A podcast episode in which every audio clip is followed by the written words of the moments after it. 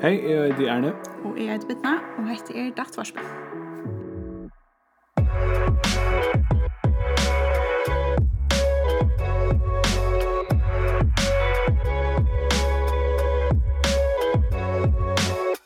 Vi er og beid vei eh, sertifiserer datt-terapeuter eh, og bloggersamlen. Jeg arbeider ute i Nese, men eh, tupet natur arbeider datt-ung som er i havn. Og hvis vi mega stort kom och tacka og och kväll är det som heter Dattvars på gång grod på. Eh Dattvars på gång grod på är att vi tagga några förläggare från Dattvidgerna som vi brukar här i Ablaxhemnan och i Hamn. Eh och kvar ut här till kon så till Eisne kunne bruka förläggaren. Akkurat. Datt uh, helt stort är er, är er, det ständigt för dialektisk ätförterapi. terapi eh och det en visendliga vi känner underbyggda vidger hotter för en riga tingon. Vi brukar det sjön det är ju kanske rusfitcher men det vi kommer att för alla människor som vill gärna ha mera kan ska man säga mera flexibilitet eller bättre salar alltså ja. Og til vi kommer til bøyne ut, ta det er korona og korona og korona alle tøyner. Mm -hmm. Og vi er jo i heimahalde, anker i søtterhalde, ganske anker ligger av sjukhusen og så gjør det. Anker kjenner anker om oss som sitter på rønnsmøten, eller så vi ikke kan få vidjan. Vi er jo en uh, kjenslig trobler tøy bøyne ut.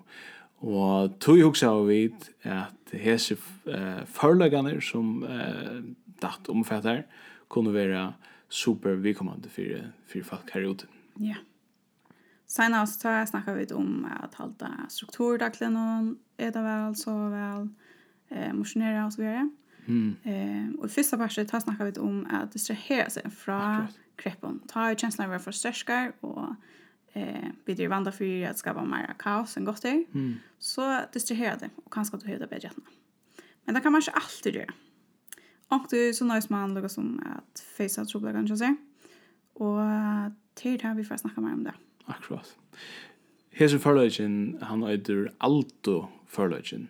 Och som du säger så är en velmølløgjen som vi har att ta i vid er og en tjenestelige kreppo, det er at distrahere okken sjov fra eh, kreppene og flyt okkom, lukka som vi har kjenslun til et annet sted. Men aldri fyrir løsning er det motsatt av tog. Det er ta og vi i stedet for at det ser okkom for kjenslun, vois okkom kjenslun ans, er ui okkom kjenslun, gjeva dem plus, eller så løs. Um, som du sier, så er det en grunn for tog er at det blir ikke alltid til at det ser okkom. Um, som ting må vi, kunne vi brøyda, men andre ting må vi, eh gåta för att citera la siba till uh, salar för bönna. Så det handlar om att visa känslig ans. Ja. Det gör det. Men jag hade ju angående vid att snacka om vad är känslor. Jag vet är känslor ja. Att uh, ta fast komma här och ganska sälja blockchain någon. Mm. Jag ungar nog så väl vi på vad känslor är. Ja. Eh men det är nästa som ganska kött tossar så där som känslor. Kan du sluta se vad känslor är? kvært det er og jeg husker han spurte kvann det og Røyne utvikla meg et uh, lukka som var forsvarlig svær på det men men uh, jeg vil sagt at, at kjensler er en mat hugsa på ehm uh, vit vit leva i okra leva vi få ting inn i okra okra sanser vi vit uh, hugsa om det reflektera om det eh uh, og negativ ting någon vi ser sjøl skapa en imiska kjensler. Mm -hmm. Something blöv i chatta, something blöv i idla, something blöv i glau, vi føler kærlaga, vi føler meningsløse, og så, og så videre, det en rikva imiske kjensler som vi kan, vi kan føle. Men kjensler er utrolig virusmikler, utan mån at her, det her legger seg nekka træt, det er sånn her nakten og fakta og noe som er ute som er akkurat sanser inntrykk. Det forteller jo hva det er viktig og hva det er ikke viktig, forteller jo hva vi skulle gjøre. Ofta er det nek sjøv der er nokre rationaliteter. Um, at vi kunne godt føle okken høyt, utan at vi vet hva vi. Ja eller vi kunne godt leibo på stålen og, og reagere arm vi faktisk har hukk om hva det er vi gjør. Jeg har opplevd det nærmere fyrir, jeg kommer til liv, at, uh, um, ja, ja, at jeg reagerer i arm i hukk om det. Mega snedot. Men det er utrolig hent. Og mega smart. Ja. Vi vet at ikke juleva. Hvis vi ikke blir bensjen inn i middelen. Eller blir vi ytl og forsvarer okken. Mm. Det har hjulpet okken simpelthen i juleva. Ja, akkurat. Men kjensler kunne øyne... Uh, jag vill hur säga att det kunde nästan vidla jag kom. Eh det vill säga att det kunde ehm inte huska till den verkliga som verkligen är det eller så det så. Ja. Och och och tänker mig det ringt jag kan vita kvätt vad det är kvätt är nu fakta ute alltså.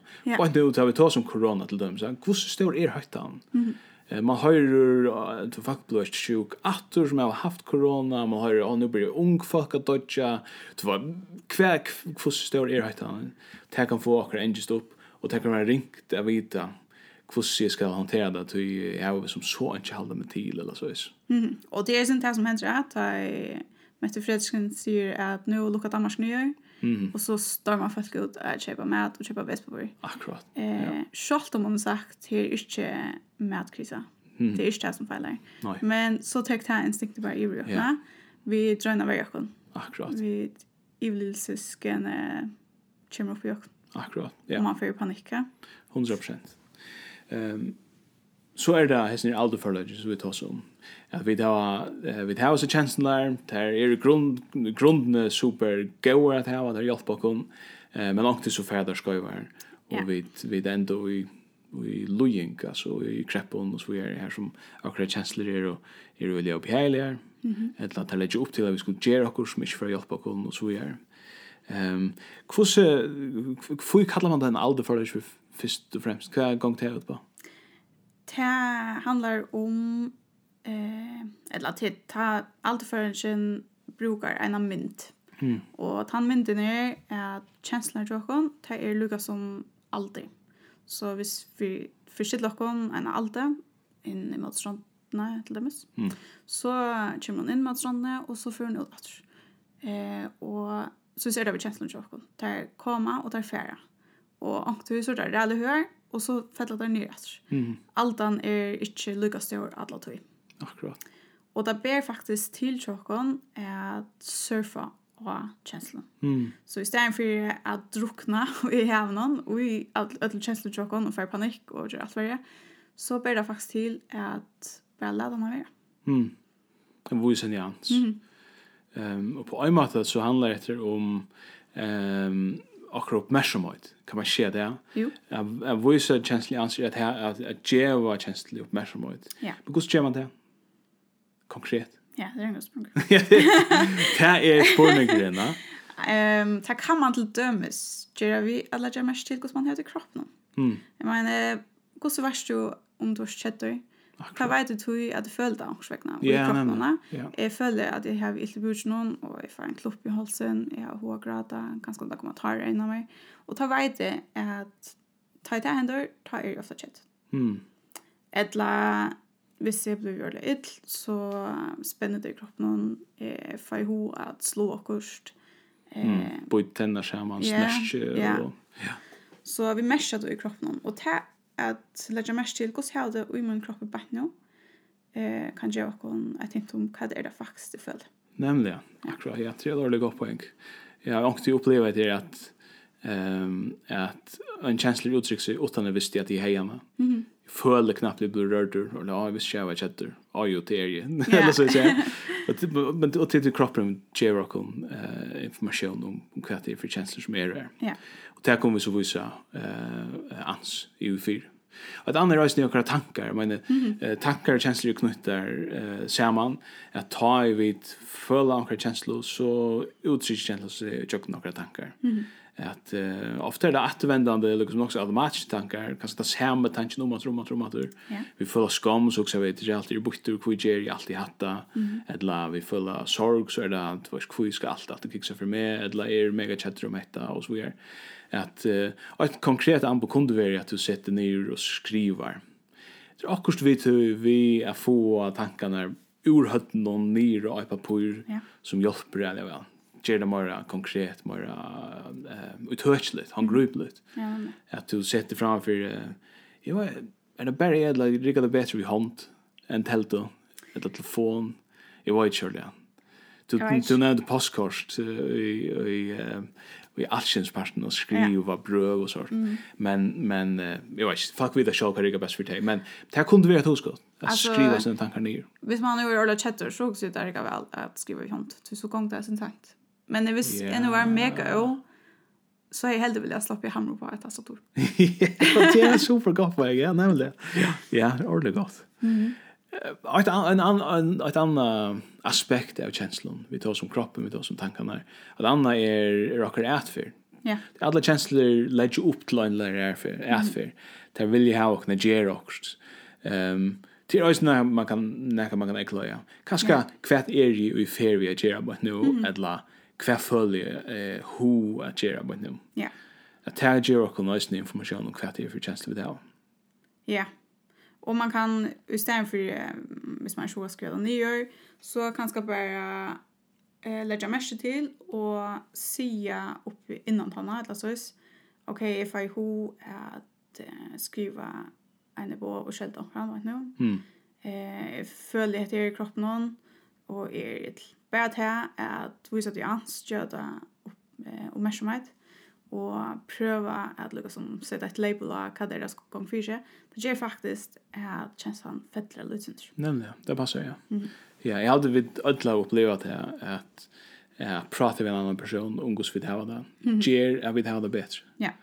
Uh, om det er at sorgen blir mer til glede, eller vrøye blir mer nøgtsemme, eller lykkesel, eller også det. Mm så bara till att och på något mått att sätta spjältra och säga sålös här vi är det bara nu. Mm. Bara till så showen ger att att allt han lägger sig sindur Ja. Yeah. Och vi tar det synd frier. Ehm um, men ehm uh, um, jag hugger oss ner till vi vi att bärjas med modekänslan eh att Lucas som røyna att at er nokta at han är där at se att det skoft i oj skjald så lus. Tað gerði hann ikki verri. Ja medan det här säger hett i det som jag har. Mm. Bara det här så sjön hjälper eh, och padda. Jag är också vid att prata. Mm. Eller jag vet för något att prata. Som jag vill inte vara tjejt bara nu. Mm. Så jag kämpar ordentligt mot det. Men eh tar jag fast bara med chatten och jag vill bara gråta i långt tid eller så där. Vi sen för att säga att är chat och så låter man bara vara chatten lite. Ja. Eh och så alltså så bara viktigt att minnas till att to är inte den Akkurat till likla hotäck och jakres förläggande. Ja, och du behövs inte det som känslan ger dig hot till. Nej. Eh du kan gott bara ladda den över. Ja. Ja, jag också tar vi tar så om uppmärksamhet. Att uppmärksamhet är på en vart objektificerande nu nu är för blöa för half like humanity vi att vi att ta du kanst bara äggloja observera dina känslor. Mm -hmm kvanten det er hvordan du hever til kroppen og hva tankar du hever, hva du hva gjer og så er det, eller bare kjensla så som hon er. Det som så skap du sin den frost og middel til og ta kjensla som du føler Ja. og til det sier du er, er ikke min kjensla bare at her er også kan man hjelpe øyelig vel jeg kunne se av det sjåan ok, jeg er glad i min kjensla på nå og kjensla er super smart. Det er ikke jeg kan mening at jeg er i hova du vet, en halvan platt av vespa på nu.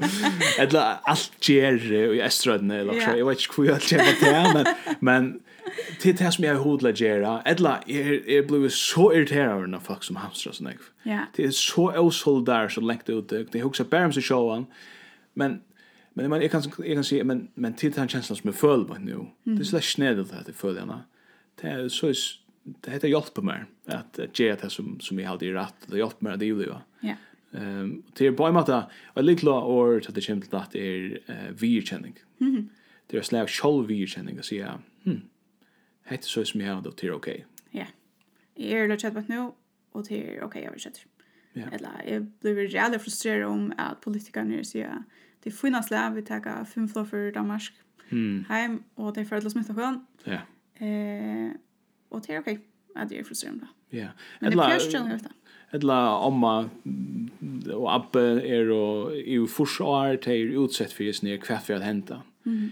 Men det er er beheiligt at føle til kjensla at han øktan, det store anna, sorgina og alt det som, som tæt hok som deg uh, sitt gong du. Men men du går vi om abba. Jeg mener, det er godt at du føler så leis. Det er jo god mening at du, at du hever det her kjenslar. Mm eh, og i grundene. Men yeah. hvis det er super ivrig større her, så kan det at se av seg sjåan, at jeg klarer å observere og se, jeg er ikke min kjensla. Kjenslan er som en alta, som fyrir opp og nyer, jeg fyrir ikke leta med søkka nir og gjerne i hver ivtidsnevne, men jeg fyrir bare lukka som at, at surfa henne. Ja, og minnes til at uh, kjenslan er ikke farlig. Nämligen. Hon kan vara sjuklig och og hun ja. fölest rädlig väldig. Men hon är mm. inte farlig. Nei, akkurat. Eh, du dörst inte av kjenslene. Nei, det passer. Og hon fer av minka ena fyr. Mm, ja, det passer. Og det er høys på engen, lukka som gr grunt innlit i, i, i alderforleggen. Det er kjensler er ikke farligere. Mm -hmm. Og du hever kjensler, du er ikke kjensler det blir väl til til där å sutja, å observera och skapa seg distanserna i middelen til og den där Og vi känner vad som, som grunden er gåa. Ja. Um, det här hjulpet där. Att ta i det stender i en öliga kälja støv. At halde ut, klare det jöknarna. Ja. Du är okej och du ok å att det som du följer. Hatta er en perfekt setning enda vi. Hette vi er dattvarspe, jeg veit Arne. Og eg veit vitna. Og tusen takk for at, uh, at du som lort er, lort er. Uh, du er velkommen til fære av heimasynet til bloggersheimen, som er bloggersheimen.fo. Her kan du lese mer om det arbeid som vi gjør. Um, du kan også finne noen her. Jeg vet ikke hvis du vil suttje åkker annerledes. så er det mega pena vintre åkken her. Men, men, uh, men her finner du også noen teltepost hvis du har skrivet noen til Arne at bloggersheim.fo eh och bitna at blåkross.fo. Det vill da sutt til hars fra der. Hvis det er okra tankar, okra vimersingar, Eh och i blåser till framtid eh pastor. Ja, parster av datvarsmen. Så send dere en på. Till det som jag säger ja. Tusen takk for det. Vi tar rest. Vi tar rest.